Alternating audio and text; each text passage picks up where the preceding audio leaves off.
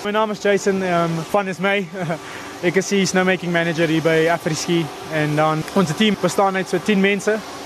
En ja, dis basies wat agter my aangaan, dis basies snowmaking. Ons het 'n hele paar verskillende wat ons noem guns, soos die langes wat jy sien daarbo, is dis lancers en dan die cannon agter my, dis 'n fan gun. So hy word gepower deur elektrisiteit en dan high pressure water en high pressure air. Hoe maak 'n mens nou? Waar begin jy hiermee? Gewoonlik ons begin met met water. Ehm um, die water soos ons het damme. Ons het uh, so 3 of 4 damme wat ons water kollek en dan het jy jou, humiditeit en jou temperatuur.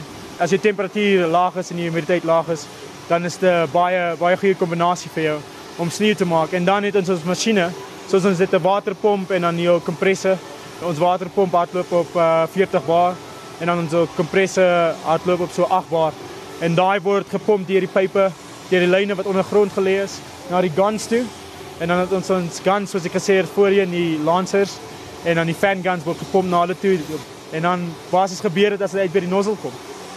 Hoeveel water gebruik julle gewoonlik per seisoen? Dit hang af van wat ons kan hardloop, wat watter guns ons kan aansit en hoe koud dit is. Ons maak omtrent so 200 ton sneeu per uur as ons full capacity hardloop.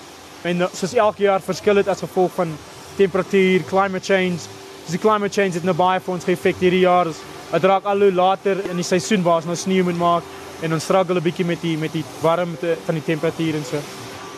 So, hoeveel water gebruik hierdie kanonne of die lancers? Ja, soos die lancers gebruik as ons full capacity run, wanneer ek sê full capacity, hulle drie settings. Soos gisteraand, dis almal van hulle oopgemaak en hy hardloop omtrent so 250 tot 300 liter per minuut. En dan die fan guns hardloop omtrent so 500 tot 550 liter per minuut as full capacity.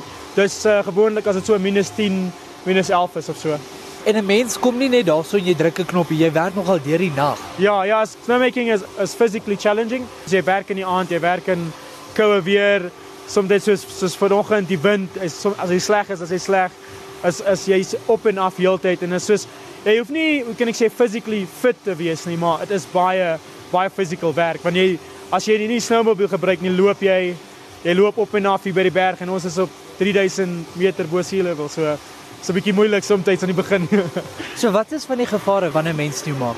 Dit's baie soos die klimaat definitief koue. Die wind is nie 'n normale werk nie. Is nie dieselfde soos enige iemand se werk nie. Soos jy doen iets wat baie uniek is en is ook um, ja, is challenging. Maar ook dan die pressure in die houses, so daar burst is, kan dit baie slegte damage maak. Die guns wat ook loop, van die guns as hy 'n lek het of so maak hy ys ergens jy kan gly op dit. So as ek kom dra ons almal, ons dra helmets en dan ook van die, die snowmaking gear padding in die in die knieë sodat jy kan as jy buig dan protect dit vir jou. En dan ook ons doen baie safety training en maak jou own safety aware want soos 'n hydrant kan kan blaas en met 40 bar gaan dit op baie slegte damage doen ja